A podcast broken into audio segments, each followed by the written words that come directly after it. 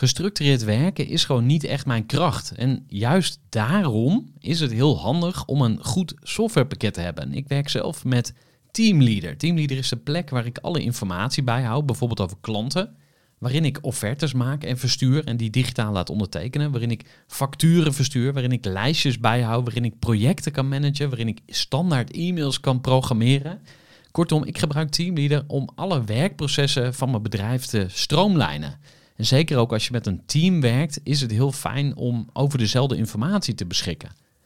Nou, als je ook benieuwd bent of er mogelijkheden zijn om jouw bedrijf meer te stroomlijnen, of je nu alleen werkt of met een team, ga even naar teamleader.nl slash groeivoer en je kunt dan vandaag nog een trial starten voor twee weken lang, gratis. En je kunt Teamleader volledig uitproberen. En na de proefperiode krijg je ook nog zo'n leuke korting als luisteraar van Groeivoer. Ga naar teamleader.nl slash groeivoer. Groeivoer. Groeivoer. Groeivoer. Zoek je inzicht, inspiratie voor je eigen bedrijf. Wil je elke dag iets leren? Luister dan naar Groeivoer. Ja, welkom bij weer een nieuwe aflevering van de Groeivoer podcast met Willemijn Wortelboer van Raw Paints. Raw Paints is verfpoeder en dit is een unieke formule zonder titaniumdioxide, zonder vluchtige organische stoffen en zonder pesticides. Nou, ik lees het letterlijk op van de website, want eh, het is een mond vol. Maar waar het op neerkomt is dat Raw Paints een eh, echte challenger is in de verfmarkt. Ze doen iets wat niemand doet. Oh ja, als we nog niet gelinkt zijn op LinkedIn. Stel dat we elkaar nog niet kennen of dat je mij al een tijdje volgt, maar dat we nog niet met elkaar verbonden zijn. Voeg mij dan even toe op LinkedIn, want ik vind het leuk om met jou te verbinden. Ga lekker luisteren naar weer een mooi gesprek met Willemijn Wortelboer van Raw Paints. Voor de kennis en ideeën van een interessante gast. Die haar verhaal met jou wil delen. Welkom bij de podcast Willemijn Wortelboer Dankjewel. van het bedrijf Raw Paints. En ehm, ja, iedereen die wortel in zijn naam heeft, die vind ik eh, per definitie al interessant. Eh, wie het eh, groeivoer logo niet kent, ga even kijken op groeivoer.nl. Maar ja, ik heb je natuurlijk niet alleen maar uitgenodigd omdat je wortelboer heet, maar omdat je een heel mooi bedrijf hebt, Raw Paints. En daar gaan we in deze podcast alles over ontdekken. En niet alleen over je bedrijf, maar ook over ondernemerschap en je lessen en al dat soort zaken. Maar laten we eens bij het begin beginnen. Wil je ons eens eh, eh, schetsen hoe de kleine Willemijn eruit zag? Wat voor meisje was dat? Eh, het kleine Mijntje, Willemijntje, mijn vader noemde mij altijd Mijntje. eh, een meisje, hele blonde haren, blauwe ogen. En na de zomervakanties in Frankrijk goed bruin gekleurd. Ehm, heel vrolijk meisje, ging gewoon mee met de flow eigenlijk. Ik denk dat je zo mij kort kan schetsen. Niet een, overal in geïnteresseerd, maar niet een duidelijke voorkeur. Vond eigenlijk alles wat best. Is eigenlijk nog steeds zo. Er is eigenlijk niet zo heel veel veranderd. Ik heb wel heel veel geleerd onderweg. Dus, eh, en dat neem ik allemaal mee eh, in de reis eh, naar, nou ja, naar het grote succes. En als je succes definieert, is het gewoon mijn pad volgen. Dat ik voor ogen heb, wanneer dat dan ook eh, een succes mag zijn. Ja, je hebt natuurlijk al een hele reis afgelegd ook. ehm, eh, zowel privé als, eh, als zakelijk. Daar gaan we ook alles over horen. Misschien ook voor de mensen die jou niet kennen, nog iets meer over je achtergronden. Wat voor gezin kom je uit en wat heb je bijvoorbeeld gestudeerd? Ja, wat neem je aan bagage mee, ook richting je ondernemerschap? Doe nou, ik ben 46 jaar oud, eh, geboren in, eh, in de stad Groningen, maar getogen in Drenthe. Lagere school doorlopen, eh, daarna naar Groningen, naar de middelbare school. Elke dag op de fiets. Mijn zus was er nog iets beter dan ik. Maar het was toch wel heel vaak 25 kilometer heen en 25 kilometer terug. Heel goed voor de geest is dat. Dus daar dank ik mijn ouders ook voor dat ze het toch steeds hebben volgehouden dat we dat moesten doen. Want ook dat neem je mee. eh, waar Wat, wat brengt je dat, om daar even op in te zoomen? Nou, vooral, en dat, dat konden mijn ouders natuurlijk heel goed zien, dat ik ehm, na zo'n fietsreis van een uur, soms een uur en vijftien minuten als ik had gestopt bij de Jamin eh, onderweg, eh, dat wij weer fris thuis kwamen na een hele dag school. En dat je dus eigenlijk alles wat je had meegemaakt, daar liet onderweg. En je kwam dus eigenlijk gewoon weer vrolijk thuis. Tenzij er iets ergs zou zijn. Maar, eh, en je kon of naar huiswerk, wat ik niet zo graag deed, of eh, andere dingen doen. Dus ehm, eh, naar school fietsen en toen was de school afgerond. En toen eh, door gaan studeren. Nee, in het vijfde jaar van de HAVO had ik besloten dat ik wel graag een jaar naar Amerika wilde. eh, high school. Dus bij een gastgezin in. Opgegeven ehm, en uiteindelijk ook geselecteerd. Ehm, en toen zakte ik voor mijn examen. Maar toen zei mijn, mijn ouders zeiden, ga dan toch maar. Mijn, mijn vader die zei, en ga maar nadenken daar wat je daarna wil gaan doen. Maar als je terugkomt moet je wel eerst je HAVO halen. Dus dat hebben we, eh, heb ik gedaan. Ik heb geen tijd gehad in Amerika om na te denken over wat ik wilde. Voor mij was dat een enorme stap, want eh, los van het vrolijke meisje en eh, open, overal voor open was ik ook eigenlijk wel heel erg, ehm, nou niet gereserveerd, maar verlegen. Dus het moment dat ik het laatste vliegtuig instapte op weg naar mijn gastgezin, was voor mij wel eh, holy shit. En nou kom ik dus een jaar niet thuis. Dus die realisatie had ik wel. En gewoon omgedraaid direct in actie, energie. Dan gaan we ervoor. Dus deels bewust, deels onbewust. En het is een fantastisch jaar geworden. Heel veel geleerd. En toen terug naar school. AVO gehaald. Met hakken over de sloot. toen was de vraag, wat ga je dan doen? Nou, voeding en marketing in Groningen. Was niet, eh, was niet iets wat ik, eh, waar ik me aan kon vastbinden. Eh, ik kwam ook direct achter dat ik geen discipline had om te leren. Maar ik had wel duidelijk geproefd dat ik graag naar het buitenland weer wilde. En toen opperde mijn vader van, goh, en dit is wel leuk, want we zijn hier natuurlijk in Utrecht. En ik ben in Utrecht geweest, want ik heb hier een jaar schroevers gedaan. Een internationale business assistant. Waarbij ik wist, oké, halfjaartje Utrecht en dan halfjaartje Spanje. In mijn geval. Dus ik ben in februari 94, 95 zo, ben ik eh, vertrokken naar Salamanca. Om Spaans te leren. En toen ik terugkwam daarvan, ben ik eigenlijk direct in het werkleven gestapt. En wat was toen je stap? Want ehm, waarom ik dit altijd vraag, ook van hey, waar, waar kom je vandaan, is wat bezielt mensen om te gaan ondernemen? Dus er zijn veel makkelijkere manieren om eh, bijvoorbeeld aan geld te komen. En eh, vooral ook omdat je vaak meer zekerheid hebt. Ja, zeker is geen drijfveer voor mij. Maar het komt ook niet in mijn hoofd op om daarvoor te kiezen. Mhm. Maar Dus- je bent wel zo begonnen. Je hebt dus eh, na je opleiding, eh, ben je eerst in loondienst gegaan? Ja, ja alleen Ja. maar een loondienst. En het moment dat ik koos voor, zeg maar, freelancers eh, vak. Dus ik heb uiteindelijk office management gedaan en toen projectmanagement. En toen dacht ik op een gegeven moment, nou, weet je, ik wil dat wel als freelancer gaan doen. En op het moment dat ik dat besloot en me had ingeschreven, bleek ik zwanger van de eerste. en toen liep het allemaal wat anders, want ik had ook wel gedacht dat als er kinderen komen, dan wil ik er wel zijn. Dus de eerste twee jaar eh, voor Mees en Mijntje kwam, eh, nou ja, toen Mees eigenlijk net twee was, eh, was Mijntje er ook. En toen heb ik een paar jaar gewoon fulltime moederschap gedaan. Laten we eens gaan kijken naar eh, het allereerste begin van Raw Paints. Dus we gaan Ja. even fast forward in de, Ja. in de tijd. Dus eh, je zei eigenlijk van, oh, je was al freelancer, dus dat was eigenlijk al het eerste stapje naar het ondernemerschap. Precies. Maar Raw Paints is natuurlijk echt een heel, heel wat anders. Hè? Dus echt Ja. een bedrijf. Eh, we gaan straks nog horen waar je nu staat en waar je misschien wel naartoe gaat. Ehm, wil je ons dus meenemen in het eerste ontstaan, eh, het begin van Raw Paints? Yes. Nou ja, ik was dus nog steeds freelancer. Ik bouwde het rustig op naarmate de kinderen wat ouder werden. En toen leerde ik Paulus kennen eh, in 2015. Ehm, en wij eh, hebben elkaar getroffen via Tinder. Wij zijn een eh, liefdesmatch. En eh, ja, heel erg leuk. En hij zocht eigenlijk een baan in Nederland, omdat hij altijd op de Caribische eilanden had gewoond. En hij vertelde mij over dit idee van verf, verfpoeder. En er, er was iets in mij dat zei, oké, go for it. Jij zoekt de formule en ik zorg met mijn freelance opdrachten dat we allemaal kunnen eten. En daarmee was Raw opeens geboren. Eh, en dan blijf je dus werkzaam als freelance om ervoor te zorgen dat de huur kan worden betaald, dat de monden eh, gevoed worden.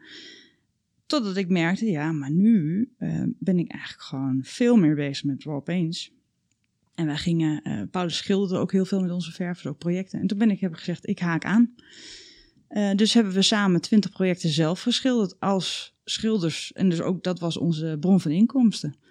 Eh, en dat was ook het moment dat ik volledig eh, in het bedrijf ben gestart. Of laat ik zo zeggen, is van handelsnaam naar echt een BV gegaan. En misschien goed om eens even te kijken van wat, wat is raw paint dan precies? Want dat is niet zomaar verf. Sterker nog, Nee. is het überhaupt verf? Neem, neem ons eens mee van ja, wat is dit eigenlijk voor product? Nou, daar waar wij, waar Paulus eigenlijk initieel dacht, waarom ben ik water aan het vervoeren in een blik verf? Want dat deed hij ook op Curaçao. Dan importeerde hij dat en dan zag hij gewoon dat hij water aan het vervoeren was. Waarom kan dat niet op het laatste moment erbij?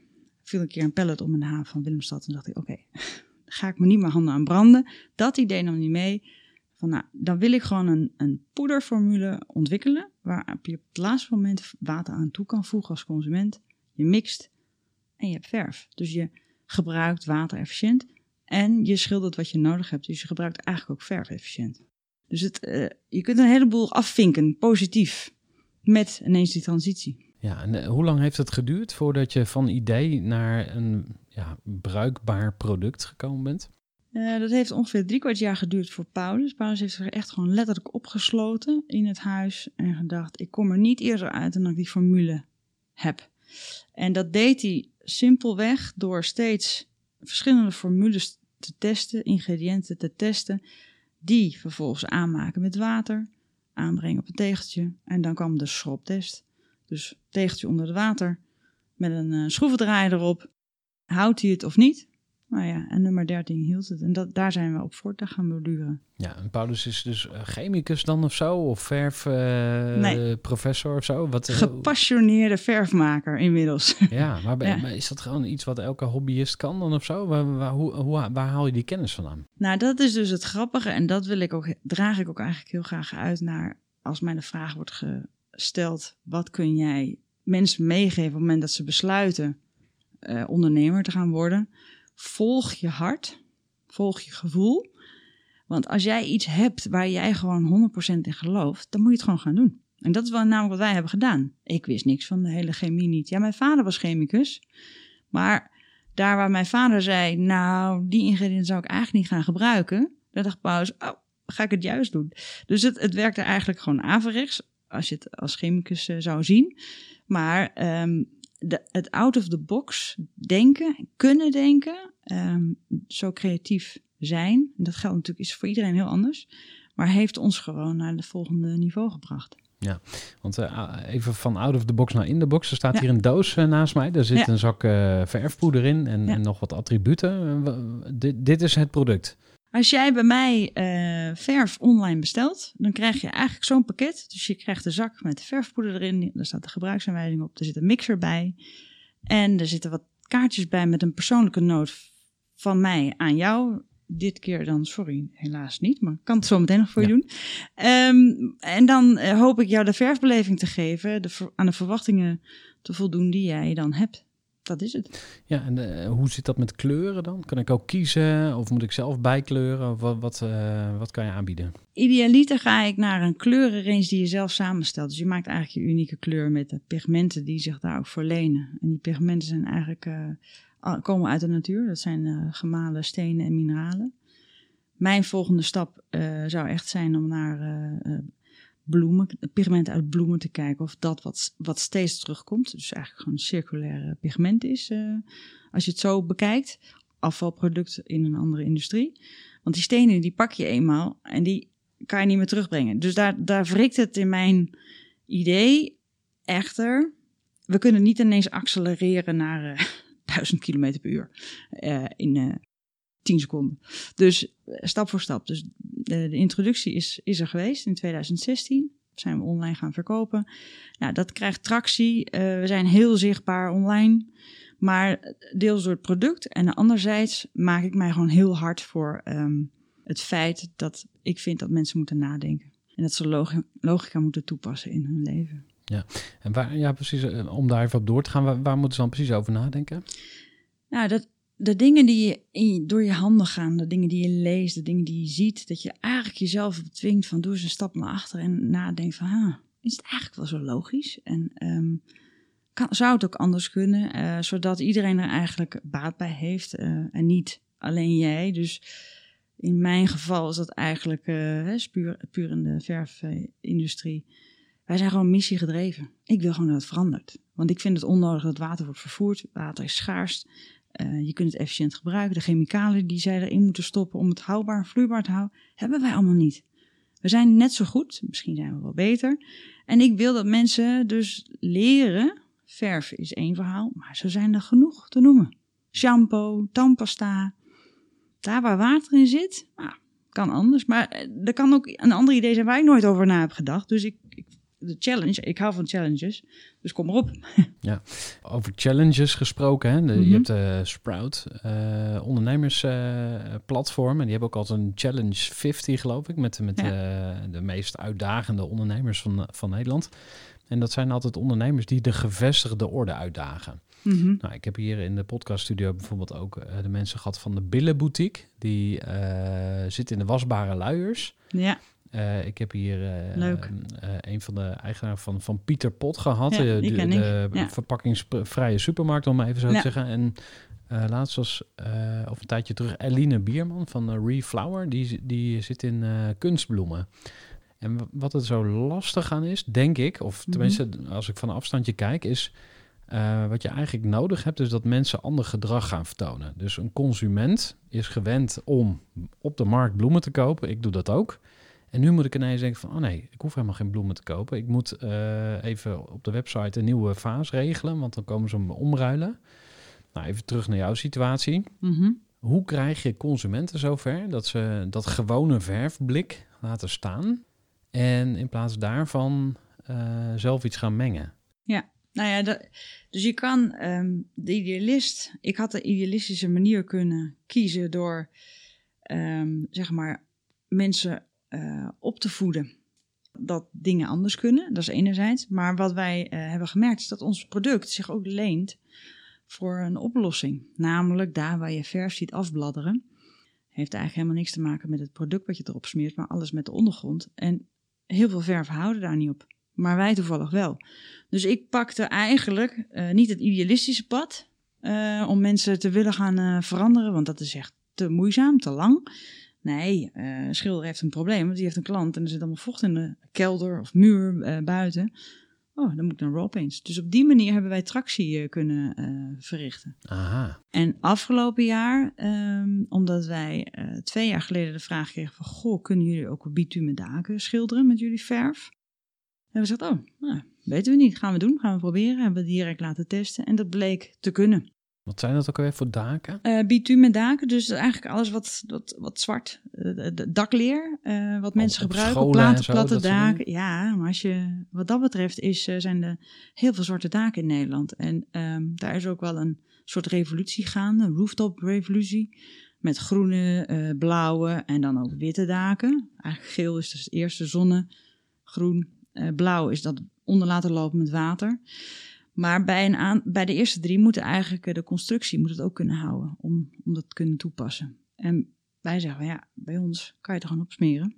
Hey, je moet wel even je, houden aan de, uh, de maatregelen die je moet uh, nemen, schoonmaken. Maar eenmaal erop zit het vast. En, en heb je de, het, het positieve effect, namelijk dat het niet meer zo warm wordt eronder.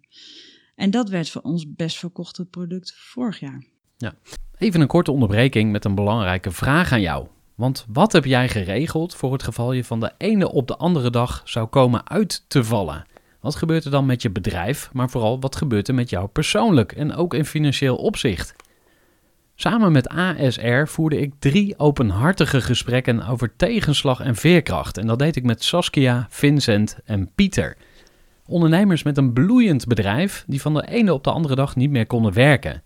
En die verhalen hoor je in aflevering 256, 257 en 258 van deze podcast.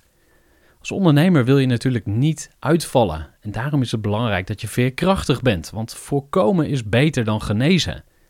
En als het dan toch misgaat, is het fijn dat je iets geregeld hebt, zodat je weer snel door kunt met ondernemen. Wil je weten hoe veerkrachtig jij nu bent? Vul dan in twee minuten de veerkrachttest van ASR in. Ga naar asr.nl slash veerkrachttest ondernemers. Dus eigenlijk, je zegt van ik ga niet die consument opnieuw opvoeden, maar ik Nee. ga uh, een probleem oplossen wat, uh, wat met dit product opgelost kan worden. Ja. Ehm, Ja, want dan verkocht ik hem eigenlijk. En dan zei ik, nou ja, daar hebben we een product voor. Ja, het enige is, je moet hem wel zelf aanmaken. Maar dat was dan eigenlijk geen probleem meer. Want je had namelijk de oplossing al bedacht. Die had je al voor het probleem wat ze in eerste instantie hadden. Dus ja, en dan zijn mensen bereid van, oh nee, nou, maar dan mix ik het zelf wel. Dat is geen probleem. Nou, wat, wat ik er heel eh, positief aan vind, is ook dat eh, je. Dat is ook een, een bekende uitspraak uit de ondernemersland, maar Mhm. eh, val, word verliefd op het probleem, niet op het product. Hè? Terwijl je kan natuurlijk heel makkelijk denken Mhm. van, ja, mijn product is fantastisch en iedereen moet het kopen. Nee. Ja, maar iedereen is niet met jouw product bezig. Mensen zijn gewoon met hun probleem bezig. Dus Precies. je hebt Ja. die focus verlegd. Maar je zei ook iets tussendoor van, ja, de moeizame weg is wel die consument gaan opvoeden. Dat heb ja, je wel geprobeerd of zo? Of eh, hoe heb je dat nou, gemerkt? ik moet, ik moet af en toe oppassen dat ik niet ehm, te idealistisch ben. Want ik moet natuurlijk wel gewoon sales draaien. Maar ehm, ik- Wat, wat zijn die idealen? Kun je daar eens eh, een paar nou bullets ja, geven? die is eigenlijk best wel breed. Ehm, kijk, mensen maken, vooropgesteld, mensen maken keuze op basis van wat zij vinden dat goed is. Daar kan je niks over zeggen. Daar ga, je, ga ik ook niks over zeggen. Alleen, ik verbaas me soms wel eens over de, nou ja, nogmaals weer, de, logica. Dus het feit dat, dat ik vind van mensen, als je nou even een stap naar achter doet, denk dan even, denk even na. En, en wat is dan de meest logische of goedkopere manier? Goedkoop liever niet, maar de logische. En die is eigenlijk altijd duurzaam. Die is eigenlijk per definitie beter. En ehm, nou ja, dat wil ik wel, wel graag overbrengen. Ehm, maar ik heb gezien dat ik allebei wel een beetje kan. Want ik doe het met een knipoog. Dus daar waar ik weet dat ik, nou ja, waar je een beetje de disruptor bent in de industrie, want dat zijn we en ze, en ze weten het allemaal ook, eh, tik ik wel eens af en toe de grens aan dat je denkt, oh, niet te ver gaan. Maar met een knipoog, met een glimlach en ook zo van ja, maar we hebben wel ook gewoon een goed product. En we bieden inderdaad de oplossingen voor, voor een aantal problemen. Dus zullen we aan tafel, zullen we hem tekenen, Ja. contract. Ja. Ehm, die gevestigde orde wil ik het zeker ook nog even zo eh, met je over hebben. Maar misschien Mhm. nog heel even terug naar eh, die consument. Want eh, hoe zou je die nou wel zover krijgen dat hij, ja, ik noem het toch maar even de iets bewerkelijkere weg kiest? Hebben Ja. jullie het gemaks? Want hè, dat, Jeff Bezos bijvoorbeeld, wie Mhm. kent hem niet van Amazon, die zegt alles bij Amazon is gericht op gemak. Dus je kan met twee klik, muisklikjes of met één swipe, kan je gewoon tegenwoordig een product bestellen. Ehm, en wat dat met mensen doet, is dat ze zo eh, verwend raken dat ze gewoon. Dat wordt de nieuwe standaard. Hè? Dus hier in Utrecht bijvoorbeeld heb je Gorilla's. Ik weet niet of je Mhm. er al van gehoord hebt. Mm-mm. Nou, dat is een Duitse partij. En eh, dat noemen ze de flitsbezorger. En dat is een supermarkt waar je niet naartoe kan, maar die eh, met couriers werkt. En binnen 10 minuten staan je eh, boodschappen dan eh, op de stoep. Het punt wat, ik wilde maken is van mensen raken heel erg gewend aan gemak. Hebben jullie daar ook een oplossing voor? Of misschien een andere manier om toch ja, wat meer massale adoptie van jullie concept te krijgen? Ik vind dit hele lastige, want ik zou zelf die app niet gebruiken.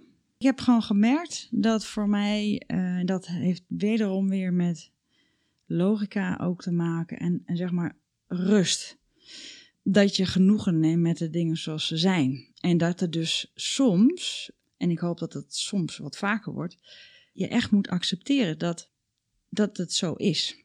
En dealen mee het, het zoeken naar constante oplossingen is, ik begrijp de, de innovatie achter en de tech-innovatie is ook heel interessant, maar het is ook iets waar ik me niet in verdiep en waar ik me ook niet aan ga branden. Want nogmaals, ik denk niet dat ik een hele goede consument daarin zou zijn.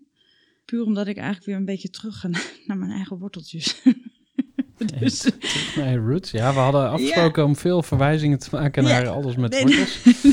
Dus, Sorry, hij komt automatisch. Eh, Maar, maar, maar wacht even, la- laten we daar eens dan eh, op doorpakken. Want ehm, wat bedoel je daar precies mee? Nou, ehm, eh, in zijn algemeenheid meer ontspullen. Dus daar waar je zegt van Jeff Bezos en, en, en snel dingen te kunnen kopen, zijn mensen dan ook wel bewust bezig van ja, wat, wat heb ik dat dingetje eigenlijk echt wel nodig? Of is het een eenmalige iets? Is het een impulsinkoop? En ik denk dat impulsaankopen in dit geval veel vaker zullen voor, voorkomen. En wat draagt dat nou uiteindelijk bij? Word je daar dan gelukkiger van? Maar dat, dat is persoonlijk, hè? Ik word er namelijk niet gelukkig van. Dus dan ga ik nog liever, eh, en dat heb ik wel toen de corona vorig jaar startte, En ik vond dat heel frappant dat ik een van de eerste ochtenden na de lockdown de merel hoorde fluiten. En toen dacht ik, hè, maar hoe kan het dan dat ik die eigenlijk niet heb gehoord? En dat ik eigenlijk het liefst weer zou willen dat iedereen wel meer richting de natuur gaat. Dat mensen verwonderd raken. Dat als je een zaadje in de grond stopt, dat daar ineens die wortels uitkomen die, die jij nodig hebt om te kunnen groeien, letterlijk. En, en ehm, mensen vinden dingen heel erg vanzelfsprekend. En dat wordt onze grootste valkuil, vind ik. Ja, hey, en ehm, staat dat op gespannen voet met de ondernemer? Want ondernemen gaat natuurlijk ook over groter worden, ja, geld verdienen, je, je ja, marktpenetratie, weet ik veel, gewoon allerlei commerciële, economische mhm. termen. Ik hoor hier toch ook een hele, ehm, ja, een beetje ideal, ja, idealistische ondernemer. Hè? Ik heb er mhm. natuurlijk meer uh, gesproken en ik heb zelf ook idealen, dus daar is niks mis mee. Maar ervaar je wel eens een spanning dat je zegt van, hé, hey, ik zou eigenlijk stuk commerciëler moeten zijn. En misschien dan de vraag om, om daarmee af te ronden van ben jij dan wel de juiste persoon om het bedrijf te laten groeien? En dat ben ik niet. En dat weet ik ook. En dat weten de, de, de mensen die in uh, Rawpens hebben geïnvesteerd vanaf het eerste uur. En later ook hebben ingestapt, uh, heb ik altijd gezegd. Ik ben geen CEO, als je het zo uh, even wil benoemen. Daar liggen niet mijn krachten. En dan moet je me niet opzetten, want als je dat wel doet, dan gaat het downwards. Dus ik ben het helemaal met je eens. En dat is dus het grappige. In de groei heb je te maken met bepaalde fases. En in die fase, nu nog, is de ondernemer, de founder er nog bij. Maar wij zitten nu op het, uh, as we speak, op, um, in gesprek met een sales- en distributiepartner. Die zegt, nou, wij gaan uh, Raw helpen naar het volgende niveau. Uh, middels een samenwerking, middels een overname, dat is nog niet helemaal duidelijk. Maar en dat is precies wat ik wil. Want dan ga ik daarin mee en dan zorg ik dat het een succes wordt. Dat ik nog steeds ambassadeur ben, zeg maar, van het bedrijf. Um, maar dat daarna, als dat eenmaal staat en het bedrijf doet het goed, ja, dan kan ik gewoon weer naar het volgende project. Ja, interessant. Dus je, je kijkt eigenlijk ook uh, met een afstandje naar jezelf. En dan zeg je van, hé, hey, uh, voor de volgende fase zijn misschien andere dingen nodig. Hoe voelt het voor jou om dan dat ook los te laten? Voor een stukje of helemaal? Oh, daar heb ik geen problemen mee. En dan maak ik eigenlijk, en dat wat ik veel tegen mensen zeg, what you see is what you get. En dat is ook letterlijk zo. Dus dit is Willemijn, maar ik ben dus ook moeder van vijf kinderen. En tegelijkertijd uh, moet ik uh, het bedrijf runnen. Maar dat gaat allemaal door elkaar heen. Dus het is, het, dezelfde persoon, er zit geen verschil in. En ik denk dat dat eigenlijk uh, maakt dat het ook zo krachtig is. Dus er zijn geen dubbele agenda als het daarvan spreekt. Uh, de kinderagenda loopt door de businessagenda. Maar wat ik met de kinderen heb, is dat ik in staat ben om ze los te laten. Dus uh, de kinderen waren eigenlijk vrij vroeg zelfstandig. Allebei, uh, toen ik nog alleen was. Wat maakt dat, dat je steeds die navelstreng steeds dunner wordt. En op een gegeven moment, ja, je voelt gewoon, hup, wieberen, gaan op eigen benen staan. En dat is met het product precies hetzelfde. Dus als je weet van ja, daar is gewoon een goede. Als je weet dat je je kinderen eh, alles hebt meegegeven wat je kon doen, ja, dan gewoon klaar. Dat is hetzelfde met, uh, met raw paints. Ja. Misschien goed om eens te kijken naar die gevestigde orde die ik net al mhm. even aanstipte. Want um, ervaar je ook tegenwerking of um, ja, een bepaalde dynamiek in die markt waarvan je denkt van, ach man, uh, ik moet echt vechten tegen de bierkaai. Hoe heb jij het ervaren om in een gevestigde orde markt met een innovatief product te komen? Uh, dat is heel lastig. En zeker in zo'n conservatieve markt als dat uh, de verfindustrie is. Dus je hebt te maken met de, de schilders, die zijn heel erg merktrouw, wat heel mooi is. Maar dan is dus een introductie van een nieuw merk heel lastig. Wat dus, zeggen ze dan bijvoorbeeld? Heb je ook met ah, schilders gepraat en, uh, Dat ken ik niet, dus daar ga ik niet aan beginnen. En, dan, en dan nog platter, of plat Amsterdams of plat Gronings. Ja, wat de boer niet geeft, dat, uh, ja. wat kent, dat weet hij niet. Klaar, dat is het ook zo. Maar, nogmaals, als er een probleem is, dan komen we met een oplossing. En dan is het ineens, oh, oh, oh, dat is eigenlijk best wel, best wel goed spul. Oké, okay. dan, moet ik, dan moet ik heel hard lachen. En eindelijk achter, ja. ja. nee, maar dat vind ik heel leuk. Um, de manier waarop wij het eigenlijk introduceren om, zeg maar, het uh, sympathiek te laten zijn. Want ik heb geen zin om um, te zeggen, je moet ons product nemen. Dat, dat werkt namelijk niet. Eh, dus dat ik gewoon vraag bij. Nou, ik, er hebben heel veel mensen eh, weten dat ik graag een pilot wil. En dat, en dat is de manier waarop ik het liefst zaken doe. Eh, en dat hebben we ook al heel veel gedaan. Is gewoon middels een pilot.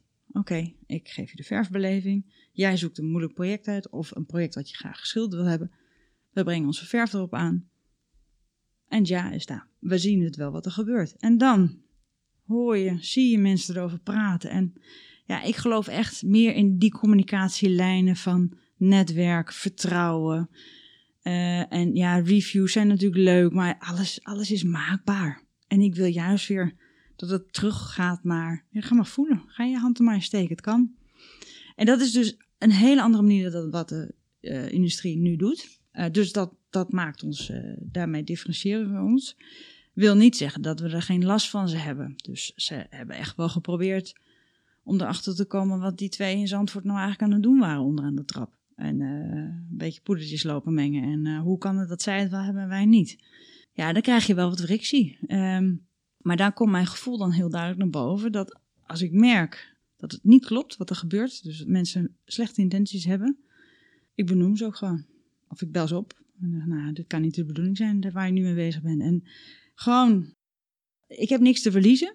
En als je het verhaal uitlegt, en ik leg jou het verhaal uit dat, ik het, dat het eigenlijk gewoon onnodig is dat je water van A naar B vervoert. Terwijl je weet op andere plekken in de wereld water echt gewoon is er gewoon niet. Gewoon normaal drinkwater. We zijn heel verwend hier in het Westen. En dan denk ik, come on, je bent hier niet alleen. Je bent een wereldburger. Dus doe goed. Je kan een bedrijf hebben in Nederland, een groot chemisch bedrijf, verfindustrie ben je. Maar je laat het wel maken in, in de arme landen en daar wordt het wel allemaal geloosd. Maar je krijgt hier het duurzame label. Nou. Is dat uh, echt uh, hoe, hoe het werkt? Nou, god, weet je, het zal ongetwijfeld een stukje subjectiviteit in zitten. Um, dus ik, ik ga, ik, dat zijn aannames, maar ik lees veel, ik zie veel. Um, en er zijn gewoon een heleboel dingen die ik gewoon niet begrijp. Ik snap niet waarom er niet naar de core business wordt gekeken als je het hebt over SDG's toepassen, hè, de Sustainable Development Goals door de UN uitgeroepen. Die gaan ons helpen naar, naar 2050. Dat dat niet een mondiale taal wordt, dat dat niet wordt uh, gelinkt met een CO2-heffing. Nou ja, en dan kan je niet, als je in Nederland een mooi bedrijf hebt in Amerika, maar je laat het ergens anders produceren en je houdt daar niet zo op de milieuregels na.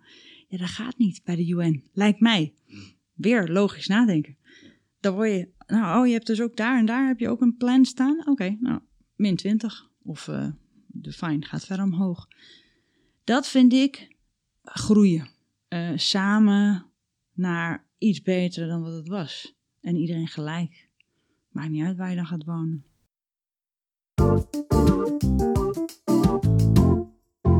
Uh, je spirituele kant voor sommige ondernemers misschien een beetje eh, onbekend terrein of eh, ongemakkelijk ook of zo. Mm -hmm. uh, maar kun je eens vertellen, hoe, hoe, hoe maak je keuzes? Uh, Op buikgevoel. Ja? Je, je weet het. En eigenlijk, en dat, dat vind ik dus het gekke, iedereen weet het. Dat als jij iets ziet, een keuze wil maken tussen twee producten, je, je voelt. Waar, en dan, dan dat je dan dus niet die keuze maakt. Dus dat je dus niet uh, daar waar je je het beste bij voelt, dat je toch voor het andere kiest. Nou, daar, dat is precies, daar gaat het in een ondernemerschap. Het komt ook gewoon in raw pains terug. Als het niet goed voelt, ga ik het gewoon niet doen.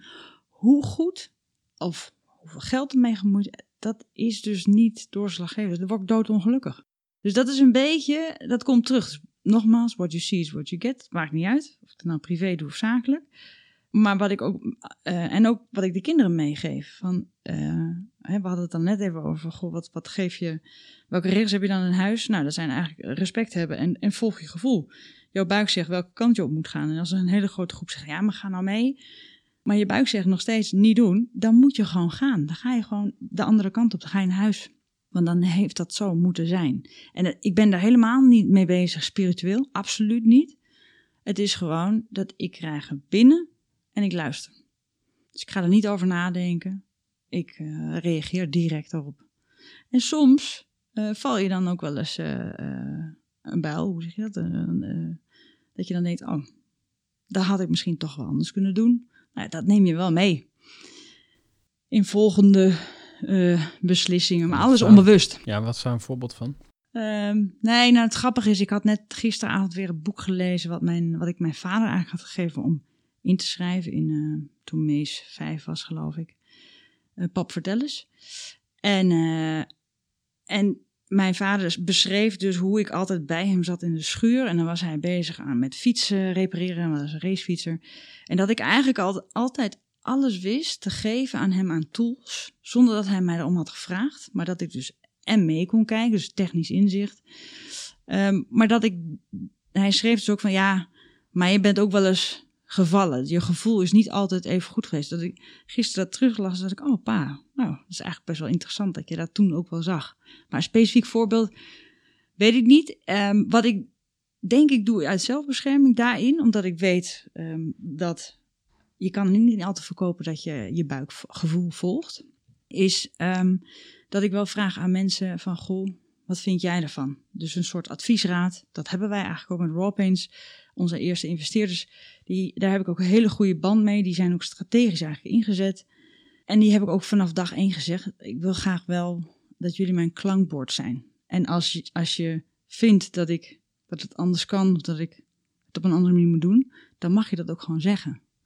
Je moet wel openstaan voor eh, feedback, laat ik het zo zeggen. Dus jouw gevoel is niet wet. En als je dan een partner hebt die jou steunt in eh, welke richting jij op wil, waar jij het beste bij voelt. En je hebt dat dus ook, voelt dat dus ook zakelijk, maar dan ook met investeerders en ook met, met mensen die voor jou komen werken dan, waarbij je zegt, nou, dit is wat ik graag wil, deze output, maar ik weet niet hoe je het gaat doen en daar ga ik me niet mee bemoeien. Die, dat vertrouwen geef ik je en de verantwoordelijkheid geef ik je ook, maar ik weet niet hoe jij van, van A naar B komt. Misschien doe je het dan in tien slagen, uh, misschien doe je het in twee slagen. Ja, daar, ga ik niet over oordelen. Dus ook loslaten. Dus het is, het is een heel, heel veel bij elkaar. Maar het is niet een standaard ondernemerschap, denk ik. Nee. Dat hoor ik wel vaker.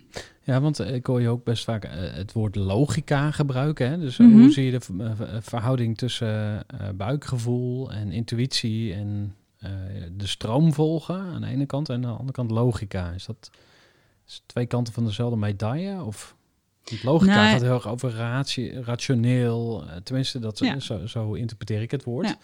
Dus argumenten. En Ja. dat staat dan haaks op je gevoel volgen. Want je gevoel zegt, deze medewerker moet ik niet aannemen. En even als voorbeeld. En je ratio zegt van, ja, maar we kunnen, eh, we moeten die persoon nu hebben, want... En, dus je gaat er een verhaal bij verzinnen. Hoe uh, balanceer jij dat? Nou, dan ben ik nog wel kritisch naar mezelf, omdat ik me dan afvraag: um, wat zou dan toegevoegde waarde zijn? Of daar waar, waar, waar mijn minder goede kanten zitten, waar, waar de ander uh, dat van mij kan overnemen. Dus dan, dan ga je, je gaat eigenlijk gewoon kijken naar de kwaliteiten. En die kwaliteiten, die bouw je op, uh, denk ik, bij jezelf, als je heel goed weet wie je bent. En dat je dus je gevoel volgt en dat je dus niet de mainstream volgt en dat je uiteindelijk na 30 jaar denkt, ja, maar wie ben ik eigenlijk en wat wil ik doen? Dus ik denk dat je dat uh, voor bent, waardoor je ja, wel beter, betere keuzes wellicht kan maken. Uh, omdat je, ja, je, kan niet, je kan niet om je eigen gevoel heen, want als je die negeert, dan, dan word je ziek. Daar ben ik van overtuigd. Heb je daar voorbeelden van gezien? Nee, want het, het is niet wetenschappelijk onderbouwd. En, uh, maar ik, gevoelsmatig kan ik me voorstellen dat als jij een knoop in je buik hebt en, en het gaat naar je hoofd en je denkt, je krijgt hoofdpijn ervan, ik denk echt dat het lichaam uh, denkt: het is goed met jou. Ik ga nu signalen geven. Hier is mijn grens. En, dan, en die mensen gaan gewoon over hun grens heen. Want die luisteren niet naar hun lichaam. En ja, dan, ja, dan krijg je burn-outs. En dan krijg je uitvalverschijnselen, denk ik. Ik heb het nooit gehad. Ja. Gelukkig. Nee, ik geloof dat, dat het zich ophoopt in je lichaam. Ik had hier vorige week uh, Richard Delet, die uh, is gezondheidsexpert. heeft mm -hmm. een boek geschreven, Oersterk. Ja. En die heeft ook de hele tijd, oh, nou niet de hele tijd, maar uh, ja, over te gaat terug naar de essentie, luister naar je lichaam. Precies. al dat ja. soort zaken. Um, misschien, want ik was ook een beetje aan het vissen naar um, je grootste tegenvaller of mm -hmm. iets dat je echt denkt, van, oh, dat was echt zo'n domme keuze. Daar ben ik tegen mijn gevoel ingegaan. Um, nee, nou, uh, ik heb echt, er zijn wel dingen die, die anders hadden gekund. Wat, wat zie je nou als je grootste les waarvan je echt denkt van ja, dat heb ik dus blijkbaar moeten leren? Oh, nou ja, eigenlijk wel eh, dat je dus met terugkomt op de gevestigde orde en je zit gewoon aan, aan tafel met zo'n multinational en dat je gewoon denkt met je, met je blauwe ogen en blonde haren dat je wel even daar kan gaan vertellen dat we het zo niet gaan doen. Eh, dat eh, enerzijds is, is juist doordat ik zo bleu ben, denk ik echt wel dat het mensen heeft wakker geschud. Het heeft er wel voor gezorgd dat op het moment dat wij eh, vorig jaar zijn benaderd door de grootste verfproducent ter wereld, dat ik dacht, oh ja, ehm, dat was heel leuk met die ene, maar ehm, dat ga ik dus niet weer doen. Ik ga niet meer op die stoel zitten, dus daar ga ik een partij voor inhuren die daarin gespe- gespecialiseerd is en die de gesprekken voor mij kan doen. En die, daar moet ik een goede connectie mee hebben, want hij moet weten hoe ik in elkaar steek en wat, mijn- wat ik wil, wat ik wil bereiken. En die hebben we gevonden. Dus, eh, en, en die doen dat werk. Maar je moet mij niet meer op die stoel zitten. Dus dat heb ik er wel van geleerd. Dus eh, misschien mooi om nu dan even te gaan kijken van, hey, waar, waar sta je nu? Hè? Eh, Mhm. Want je verklapt al even dat jullie in gesprek zijn met een partij. Nou ja, we zijn op zoek naar een sales- en distributiepartner. Ja. Dat waren we eigenlijk al eh, in 2018. We wonnen de, ehm, de Accenture Innovation Awards. En toen kreeg ik de, eigenlijk de opdracht van de voorzitter van de, van de jury van ja, ehm, you have the responsibility to make it big and do it fast. Vind ik een super mooi advies. Ja. ja. sorry, ik, ik Ja. ga meteen aan, want ik zie soms zulke mooie dingen. En dan denk ik echt van, oké, schaal dat nou op, weet je wel. Ja. Iedereen moet dit hebben. Precies. En dan gaat zo'n ondernemer heel eigenwijs op dat idee zitten en die houdt het klein. Ja. Maar Nou, goed, ik, eh, dat, dat, dat wilde ik dus niet. Maar toen heb ik ook direct gezegd: ja, maar dan, dan heb- dan moet je me wel helpen. Want ik kan het niet alleen. Dus wij hebben daar echt wel eh, een tijd aan besteed. En ook met andere partners er nog bij. Dus eh, partijen. dus Accenture heeft daar ook bijvoorbeeld bij geholpen. Om te gaan kijken, ja, wat, wat, wat zou dan kunnen gaan werken? Nou, dat is uiteindelijk eh, niks uitgekomen. Maar dat maakt niet uit, want elk traject is leerzaam. En dan pak je toch wel iets weer uit. Maar het was wel voor mij ook wel heel duidelijk van... ja, maar je gaat niet in je eentje ineens een nieuwe AXO worden van Nederland. En dat ambieer ik ook helemaal niet. Maar wat ik wel heel sterk geloof is dat wij samen... en wie dat, die wij dan zijn, of het dan meerdere partijen zijn of eentje, eh, een grotere... ervoor zorgt dat het gewoon heel snel wordt uitgerold. En eh, ik hou van samenwerking, omdat ik daarin geloof. Dus eh, toen kwam eh, inderdaad dat hele gebeuren met van nou, wie gaat dan die sales- en distributiepartner worden? Nou, daar hebben zich een aantal kandidaten gemeld. We hebben ook nog een aantal kandidaten. En is gewoon wereldwijd dan benaderd. En die zijn in een soort traject gegaan met een, een capital investment, zeg ik dat goed, party. ehm, die ons helpt eh, dat traject goed te stroomlijnen naar, eh, nou, naar uiteindelijk een overname. Ja. En daar zitten we dus nu in. heel interessant en ook Ja. spannend lijkt me. En eh, waar, waar staan jullie dan precies? Wat, wat is nu zeg maar, de, als je de thermometer erin steekt, eh, ongeveer de scope, ehm, eh, medewerkers, omzet, aantal dozen verf, weet ik veel. Hoe kun je het kwantificeren? Nou ja, ik kan zeggen, we hebben een omzet van 50.000 eh, euro gemaakt vorig jaar. En dat is niet veel. Eh, maar goed, als je dat een beetje omrekent, dan zou dat, eh, ehm, nou, deel hem door eh, 20 eh, euro of, of 10 euro, eh, zit je op eh 5000 eh, kilo. 50.000 eh, vierkante meter. Ehm, Mhm. En wat is de potentie? Want daar blijkbaar, die partij heeft dat gezien. Die zei van, hé, hey, maar wacht even, met de juiste partners kunnen we dat opschalen. Nou, wat, de- wat is de potentie die zij inzien? Nou, en die de markt zelf ook wel inziet. De, de markt waar wij ons in begeven is de architectural coatings. En die is gewoon goed voor 90 miljard per jaar. eh, dollar. Wereldwijd? Wereldwijd, ja. En, en welk stuk zou Raw Paints kunnen pakken dan, denk je? Nou, ik heb zelf een ambitie neergelegd dat wij eind 2023 de grootste verfproducent van Europa zijn. Zo. Eh, ja, dus In- er is nog werk in winkel. in, dat, in, dat, in dat blokje eh, En dan is het Europese gedeelte van zeg maar die 90 miljard eh, eh, zou je dat moeten Ja. plaatsen. Mhm. Maar dat, eh, dat is best een eh, grote. Maar ja, als je het bekijkt, er zijn gewoon nagenoeg geen concurrenten op poeder, verfpoeder. Dus het kan ook vrij snel, eh, enerzijds. Maar ja, wel met een dusdanige bijdrage met de boodschap, met het deels idealisme, eh, missie, beter doen. Ehm, ja, Ja, en eh, ehm, heb je ook al bedacht wat voor rol je graag zou willen in zo'n toekomstig eh, plaatje? Wil je, er zijn natuurlijk verschillende scenario's. Dus Ja. je kan zeggen van, nou, weet je, koop mij maar gewoon helemaal uit. Mhm. Ik ga even lekker eh, een tijdje niks doen. Of ik wil eigenlijk wel minderheidsaandeelhouder blijven. Eh, eh, in dat scenario, wat, wat zou je dan gaan doen? Ga je dan overal het verhaal vertellen op, op podia of zo? Of wat, wat denk ja, je zelf? nou ja, en dat is niet mijn sterkste vak, want ik vind het heel lastig om te spreken. Dan word ik echt heel zenuwachtig. En Wie niet, wie niet? Zelfs Nou, zou Anouk, hè? Ken je Anouk, eh, de gieter, of de, De- de zangeres? Ja, die, die eh, schijnt voor elke optreden nog kotsmisselijk te zijn. En soms Ja. zelfs gewoon echt over te geven van de spanning. Oh ja. Dus gewoon ervaren Ja. performers, maakt niet Ja. uit op welk niveau, die zijn super zenuwachtig. Dus dat zou jij heel spannend vinden? Maar ik eh, beweeg me er wel naartoe. Dus ik gooi mezelf wel op het podium. Dus ik meld me wel aan om dat soort dingen te doen. En dat is ik, wat ik heel graag zou willen voortzetten, is eh, nou ja, de missie van Raw Paints. eh, om, om zeg maar ervoor te zorgen dat dat wat ik beloof aan de, aan de potentieel kopende partij, dat ze het ook echt krijgen. Want ik zou het heel naar vinden als, als, het, als het niet zou lukken. Want dan, dat voelt als falen. Dan kun je nog uitgekocht zijn.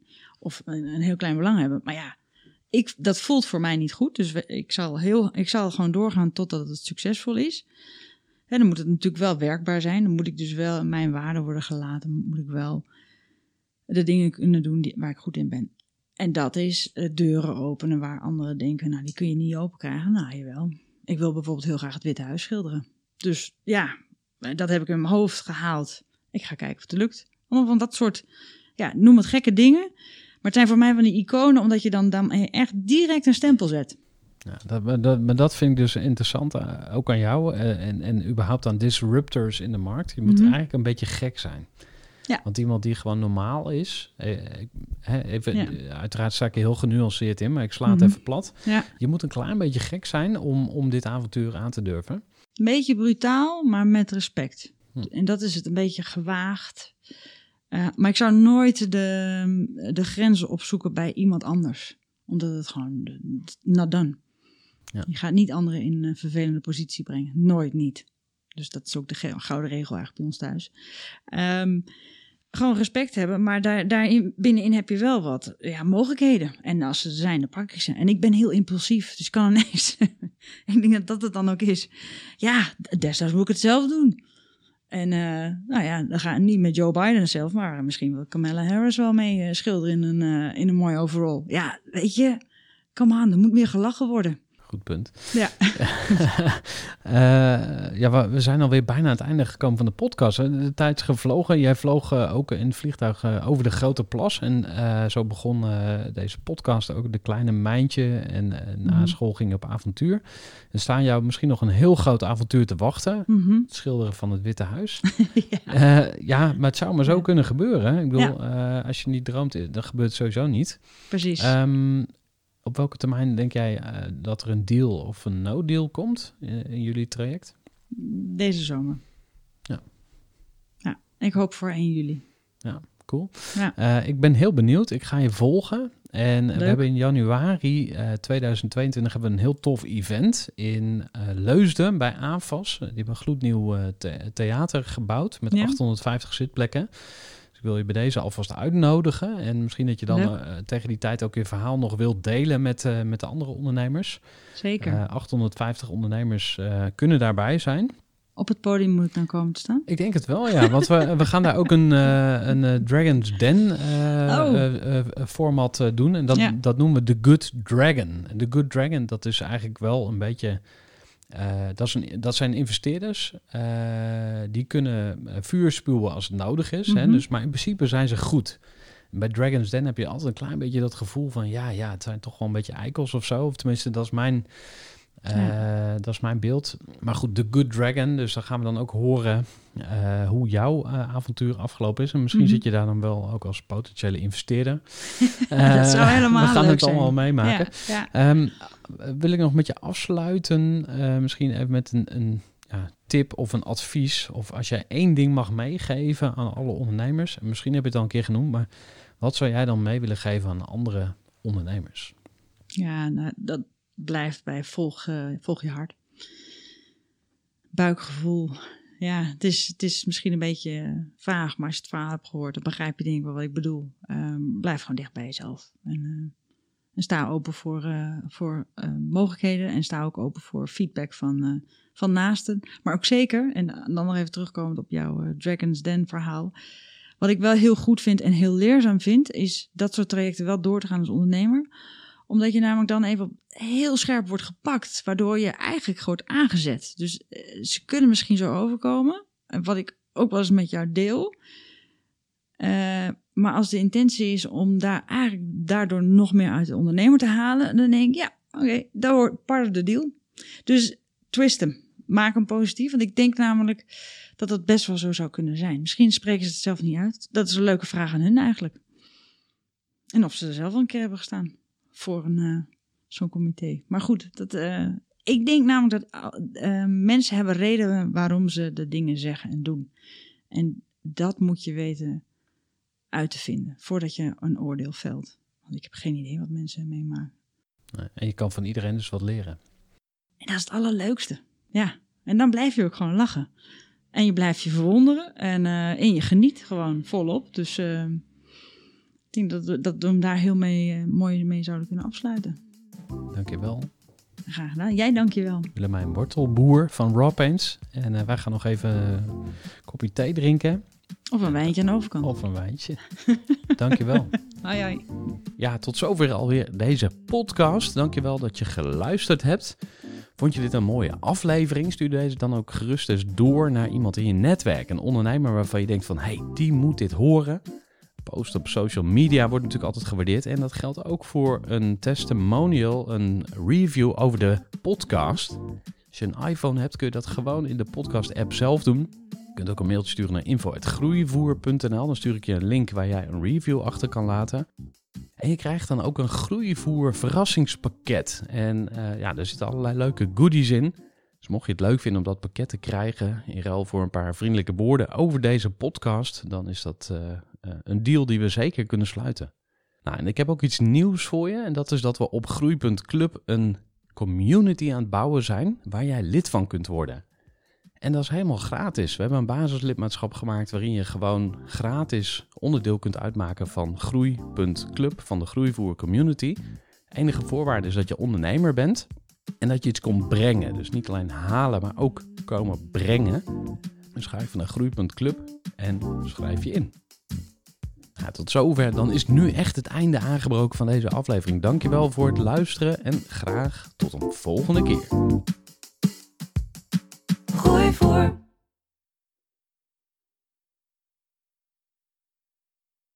Gestructureerd werken is gewoon niet echt mijn kracht. En juist daarom is het heel handig om een goed softwarepakket te hebben. Ik werk zelf met Teamleader. Teamleader is de plek waar ik alle informatie bijhoud, bijvoorbeeld over klanten. Waarin ik offertes maak en verstuur en die digitaal laat ondertekenen. Waarin ik facturen verstuur, waarin ik lijstjes bijhoud, waarin ik projecten kan managen, waarin ik standaard e-mails kan programmeren. Kortom, ik gebruik Teamleader om alle werkprocessen van mijn bedrijf te stroomlijnen. En zeker ook als je met een team werkt, is het heel fijn om over dezelfde informatie te beschikken. Nou, als je ook benieuwd bent of er mogelijkheden zijn om jouw bedrijf meer te stroomlijnen, of je nu alleen werkt of met een team, ga even naar teamleader.nl slash groeivoer en je kunt dan vandaag nog een trial starten voor twee weken lang, gratis. En je kunt Teamleader volledig uitproberen. En na de proefperiode krijg je ook nog zo'n leuke korting als luisteraar van Groeivoer. Ga naar teamleader.nl slash groeivoer.